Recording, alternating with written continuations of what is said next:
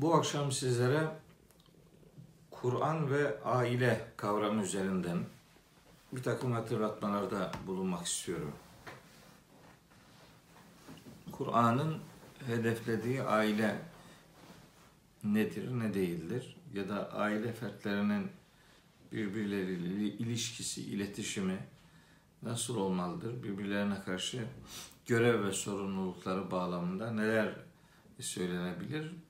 Kur'an'da özellikle peygamberler tarihinin e, bize sunulan sayfalarında aile ile alakalı ne tür malumat yer alıyor? Biraz bunlar üzerinden aktarımlarda bulunmak arzusundayım.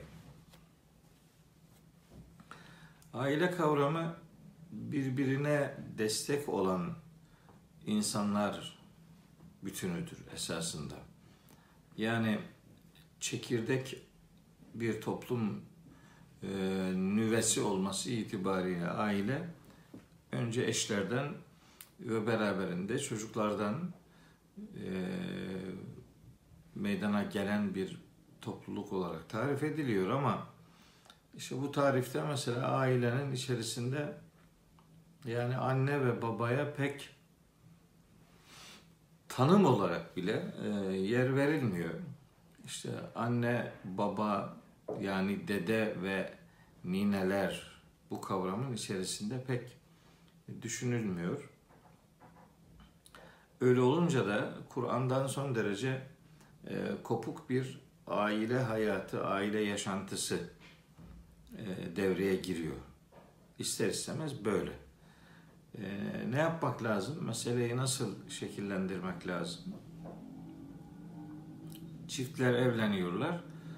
E, çocukları olana kadar onlar için aile tanımı eşlerden meydana gelen bir topluluk diye ifade ediliyor. Halbuki onların kendi annesi babası var.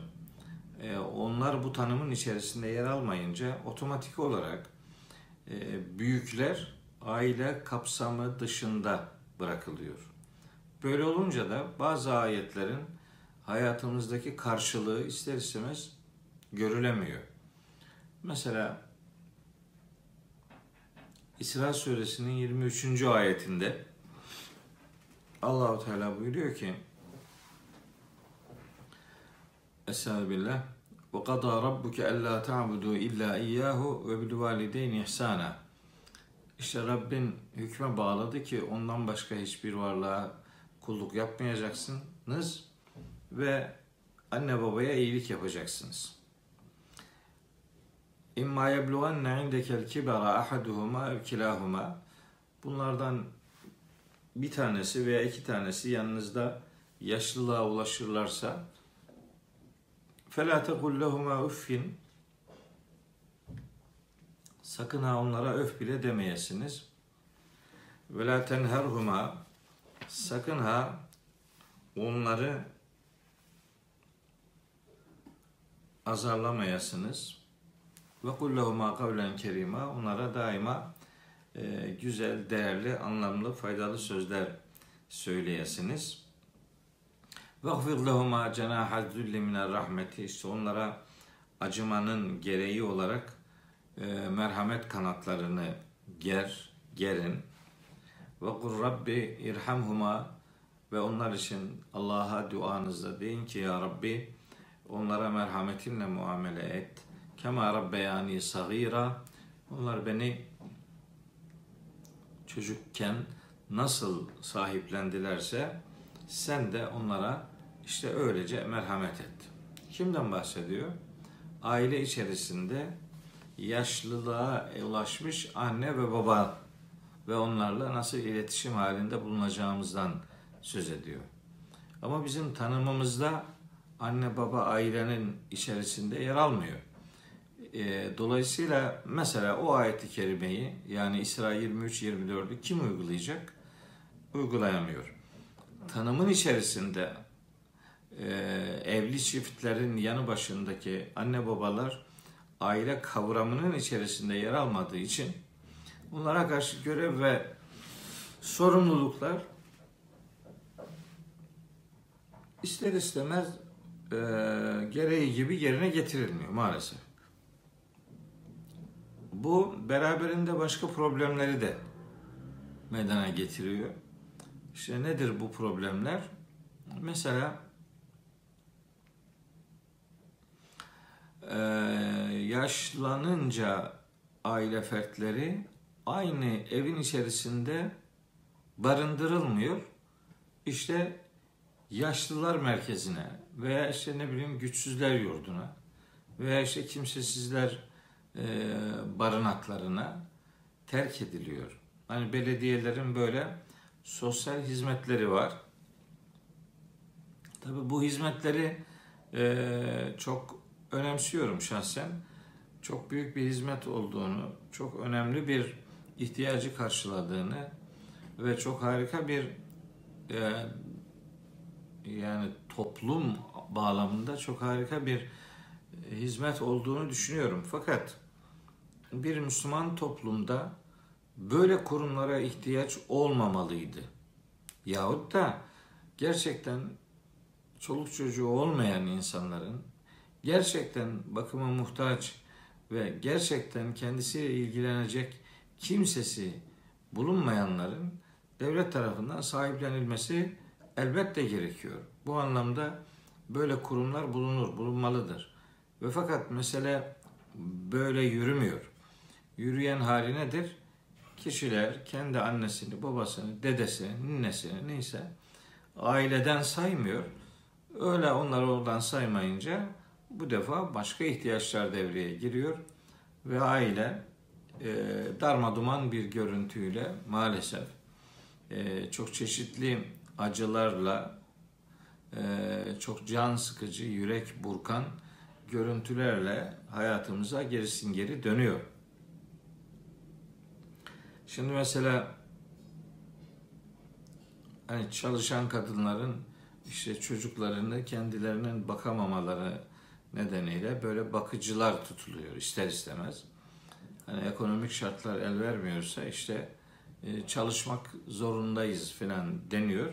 İşte onların da çocuklar olunca bu defa onları bakıcıya veriyorlar.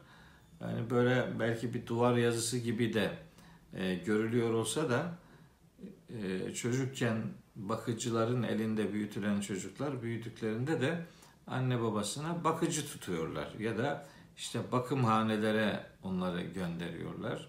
Güçsüzler yurduna gönderiyorlar. E, Darül Aceze dediğimiz işte kurumlara gönderiyorlar. Bu sadece esasında yürek burkan bir manzaradır. Bir Müslüman toplumda anne babalar aile kavramının dışına itilerek hiç olmaması gereken bir takım e, görüntüler meydana geliyor maalesef. Şimdi bu tanımdan kaynaklanan arızanın ötesinde aile fertlerinin kendi içlerinde birbirlerine karşı görev ve sorumlulukları var. Ne var? Mesela e, bir ayet-i kerimeyi size aktarayım bu vesileyle. Buyuruyor ki Yüce Allah Estağfirullah e, Tevabun suresinin 14. ayetinde Ya eyyühellezine amenü ey iman edenler inne min ezvacikum ve evladikum aduven leküm fahderuhum işte dikkat edin eşlerinizden ve çocuklarınızdan bazıları size düşman olabilir. Yani aile kurumumuz içerisinde e, eşlerin ve çocukların doğru değerlerle donanımlı olmamaları neticesinde e, bir takım sıkıntılı görüntüler meydana gelebilir. O zaman bir düşmanlık, bir problem, e, bir sıkıntı meydana gelebilir ihtimalinden hareketle dikkatli davranın diyor Allahu Teala. Fahzeruhum onlara karşı dikkatli, uyanık davranın. Ama şimdi bu bu ayet yani Tegabun suresi 14. ayette e, ayetin sonunda diyor ki Allahu Teala e, bir takım problemler olabilir. İnnem nezvaciküm eşlerinizden diyor. Yani bütün eşler böyledir demek değil bu. Eşler arasında eşler ifadesi de sadece e, erkek bireylerin hanım eşleri manasında alınmamalıdır. Bu ya eyyühellezine amenü dedi mi bütün herkesi kapsamına alıyor bu hitap. Kadın için erkek, erkek için kadın. Böyle eğer değerlerle donanımlı hale gelmemişse işte o sıkıntı bir e, düşmanlığa dönüşebilir. Fakat siz iletişiminizi sıcak, doğru, faydalı, anlamlı şekillendirin. Bir takım hatalar meydana geldiğinde bağışlayıcılık özelliğinizi yitirmeyin. Buyuruyor ki ve intafu eğer affederseniz ve tef ve tesfahu hoş görürseniz bazı hataları ve tağfiru ve bağışlayıcı bir tavrı sergilerseniz fe innallaha rahim nihayetinde sizin için de Allahu Teala bağışlayıcı ve merhamet edicidir. Ne dedi şimdi? Bağışlama ile alakalı üç tane kelime kullandı. Ve in bu af. Ve tesfahu bu hoşgörü. Ve tağfiru bu da mağfiret dediğimiz e, muhatabı affetme ile alakalı kavram. Bunlar Allahu Teala'nın da affetme sıfatları olarak bilinir. E, nihayetinde bakın şeyde geçiyor Bakara suresinin 109. ayetinde var. Bu kavramların işte iki tanesi af ve saf kavramları var.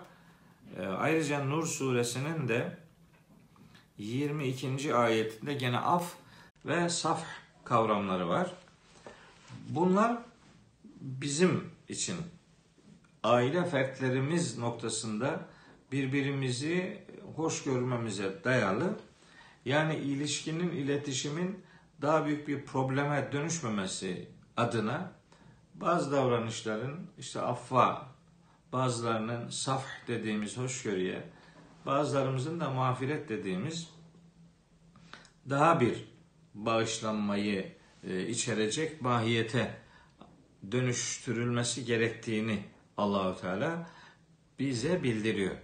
Biz şimdi kendi kendimize, kendi aramızda birbirimizle alakalı bu sıfatları kendimizden esirgersek, aile fertlerinden esirgersek, bunların Allahu Teala tarafından bize uygulanması hakkını da çok elde edemeyebiliriz.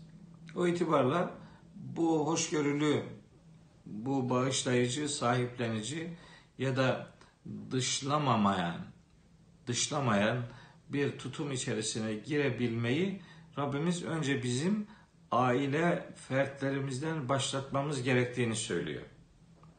Böyle. Peki aile fertleri kendi aralarında böyle duyarlı olacaklar. Eyvallah. Fakat insan hayatı sadece aile fertleri içerisindeki iletişimden ibaret de bırakmayacak. Şimdi Münafıkun suresinin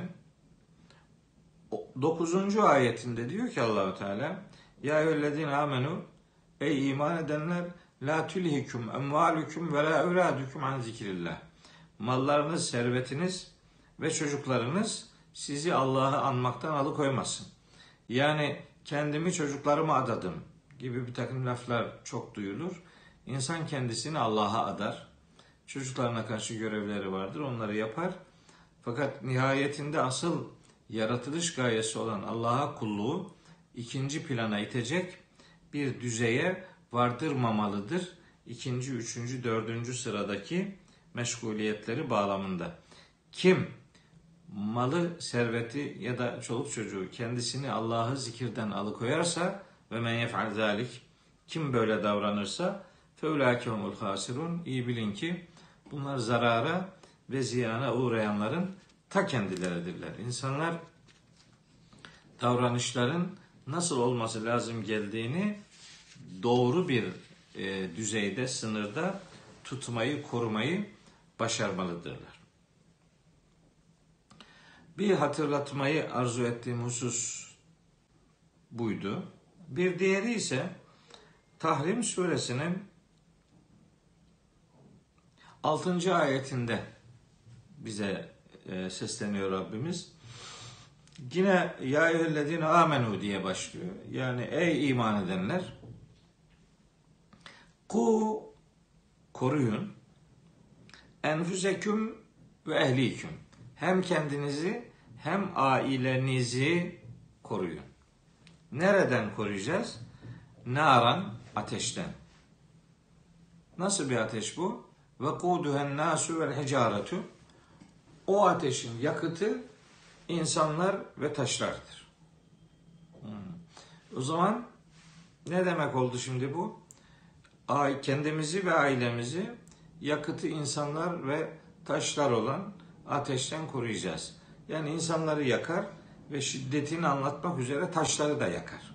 O kadar yoğun bir ateştir. Hatta taşlar üzerinden bir puta tapıcılık e, vahyin indirildiği dönemde söz konusu olduğu için Allahü Teala o ateşin taşları da yani tapınılan tapınak gibi kabul edilen nesneleri de yakacağını, onlardan herhangi bir şey bekleyenlerin bu beklentisinin anlamsız olduğunu ortaya koyan bir mesaj veriyor. Hangi ayetti bu? Tahrim suresi 6. ayet. Söylemek istediği şu ayet-i kerimenin e, bu hayatın ateş olması mümkün. Yani siz eğer doğru değerlerle bu hayatı donanımlı hale getirmezseniz, değerleriniz sizi yönlendirmezse bu hayatın içerisinde öyle sıkıntılar yaşarsınız ki ömrünüz zindana dönüşür. Yani çektiğiniz sıkıntıların haddi hesabı olmaz. O zaman sorumluluklarını bilen, sorumlu davranan bir duyarlılık gerekiyor demektir. Yani her her koyun kendi bacağından asılır derler. Bu bizim için çok doğru bir söz değil. Neden? Çünkü bizim dinimizde emri bil maruf nehyanil münker diye bir kurumumuz var.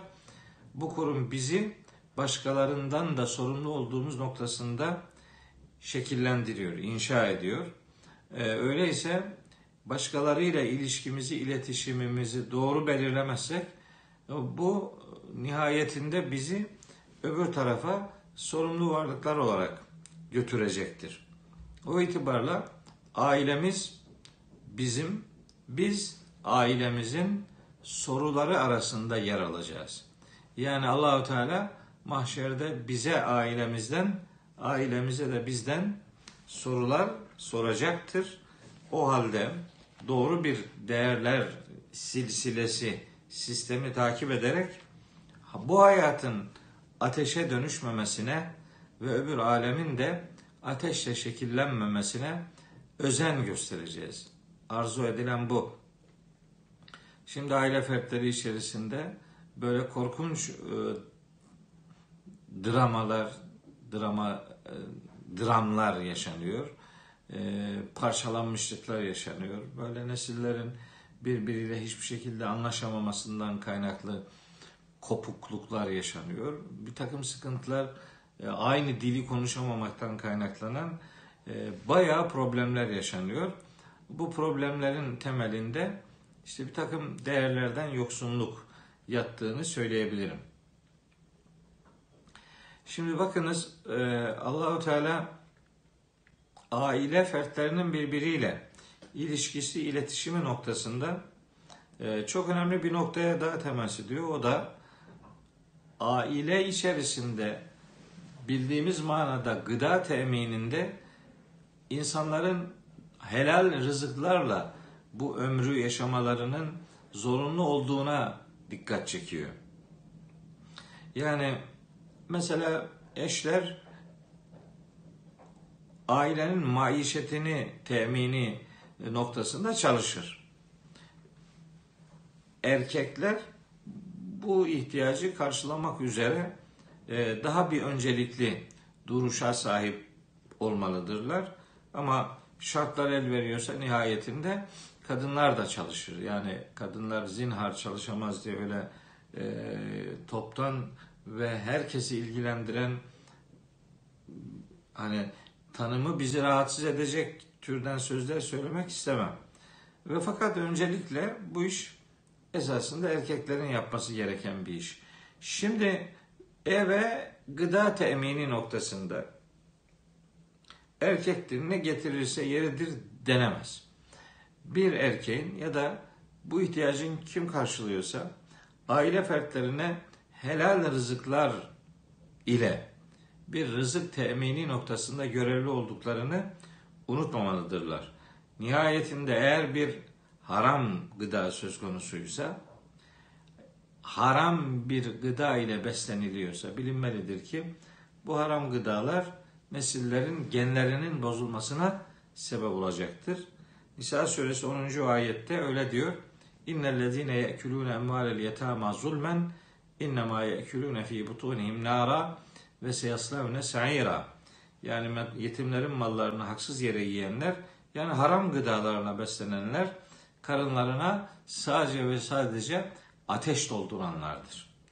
Burada karınlarına böyle ateş dolduranlar öbür alemde de ateşe girecekler, ateşe yaslanacaklardır diyor. Buradan hareketle aile fertlerinin helal gıdalarla rızık temini noktasında görevli olduklarını bilmelerinin zorunlu olduğu sonucunu çıkartıyoruz. Nihayet bu görev ekonomik ilişkilerde insanların haksız mal, para kazanmalarının da haram olduğuna dair bir başka Kur'an öğretisini bize hatırlatır ki o da Nisa suresinin 29. ayetidir. Ya eyyühellezine amenu la tekülü emvaleküm beyneküm bil batıl mallarınızı aranızda batıl yollarla yemeyin. İlla en tekune ticareten en teradın minküm. Velev ki razı olduğunuz aranızdaki bir ticaret sebebiyle bile olsa eğer bir batıllık söz konusuysa aman ha bunu yemeyin ve la taktulü enfüseküm böylece kendinizi öldürmeyin diyor Allahu Teala. Şimdi bakın bu son derece açık. Yani eğer ailede rızık temini noktasında böyle bir duyarlılık yoksa yani çoluk çocuğuna helal haram demeden önüne gelen her şeyi rızık olarak, gıda olarak e, veriyorsa bir aile ortamı o rızıklar daha sonra sahibinin ateşle buluşmasına sebep olacaktır. Bu böyle. Yani bu efendim sağa sola çevrilecek ve nihayetinde bizim doğru bir görevle, doğru bir sorumlulukla buluşmamızı erteleyebilecek bir bakışa müsait bir konu değil. Helal rızıklar kişinin ailesine karşı en önemli görev ve sorumlulukları arasında yer alır. Bunu aile fertlerinin bilmesi lazım. Bir eş eve getirilen bir gıdanın nereden kazanıldığını sormak durumundadır. Yani ne getirirse beni ilgilendirmez diyemez.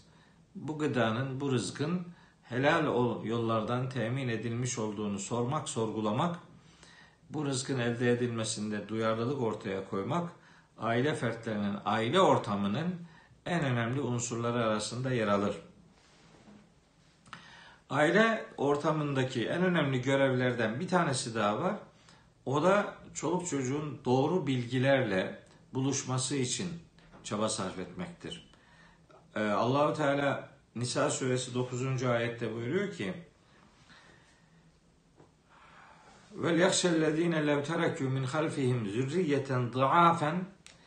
Kendileri geriye zayıf çocuklar, zayıf nesiller bıraktıkları takdirde onların durumundan endişe edecek olanlar şunu iyi bilsinler ki böyle bir zayıf ve hani sıkıntılı bir nesil meydana getirme noktasında bir korkusu olsun insanların. Yani böyle e, saldım çayıra, Mevlam kayıra gibi bir duyarsızlık içerisinde hareket etmesinler. Hani onlara karşı görevleri olduğunu bilsinler.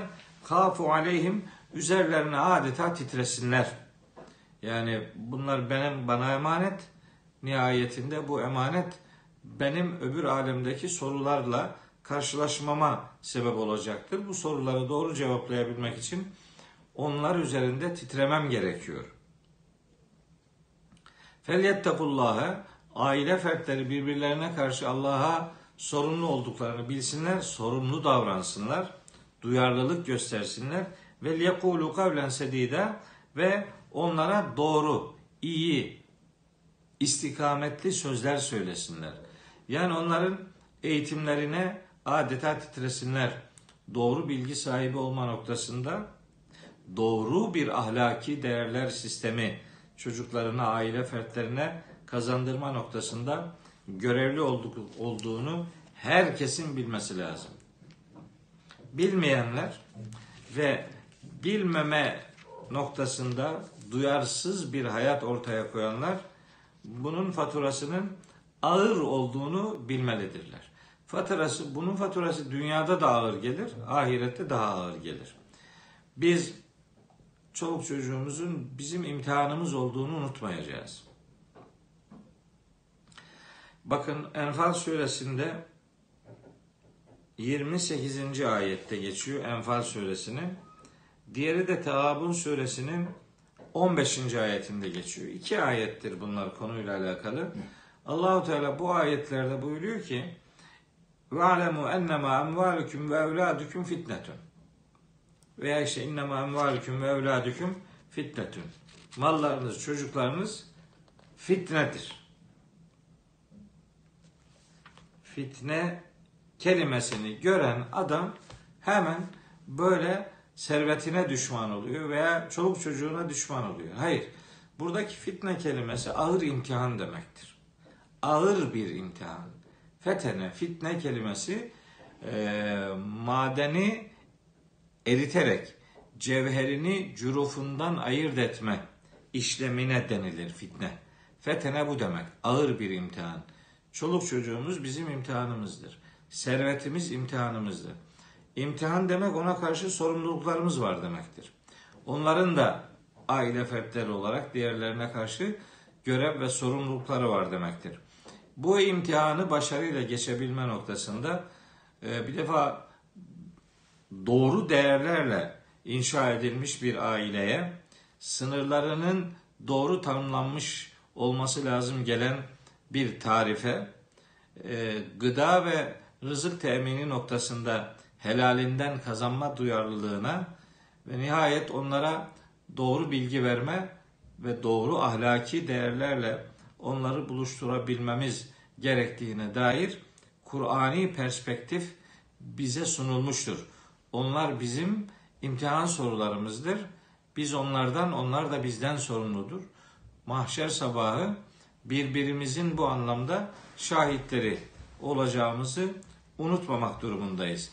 Eğer bu değerler yani Kur'ani değerler hayata hakim kılınırlarsa, eğer hayat bu değerler çerçevesinde, çizgisinde yaşanırsa, anne babalara karşı sorumluluklar, aile fertlerinin birbirlerine karşı sorumlulukları birbirisiz yapamayacakları gerçeğini unutmayan duyarlılıklar aile ortamlarında hakim kılınırsa aile parçalanmalarının önüne geçilmiş olur. Bir takım facia örneklerinden kurtulma imkanı elde edilmiş olur. Anne babaların böyle kimsesizler veya güçsüzler yurduna terk edilmesi görüntülerinden kurtulma imkanı elde edilmiş olur.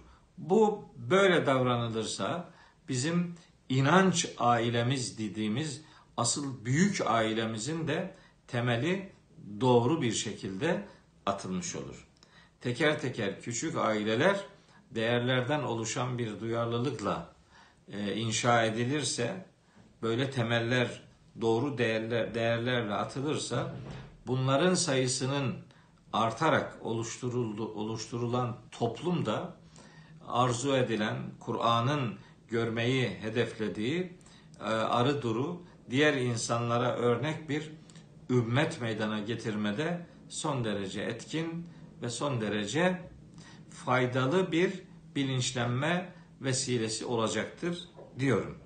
İnşallah başta kendi ailem, ve beraberinde sizlerin, diğer bütün kardeşlerimizin ailesinin aslında Kur'ani değerlerin e, yeşerdiği birer ocak olması lazım geldiğini, duamızın böyle şekillenen bir mahiyet arz edeceğini, çabamızın böyle bir aile duyarlılığıyla hayatı yaşamak durumunda olduğumuz bilincini içerdiğini beyan ederek hepinizi Hakk'ın emanetine, onun rahmetine, merhametine ve nihayet mağfiretine havale ediyor. Hepinizi Allah'ın rahmetinin kucaklamasını dua ve niyaz ediyorum. Allah'a emanet olun sevgili kardeşlerim.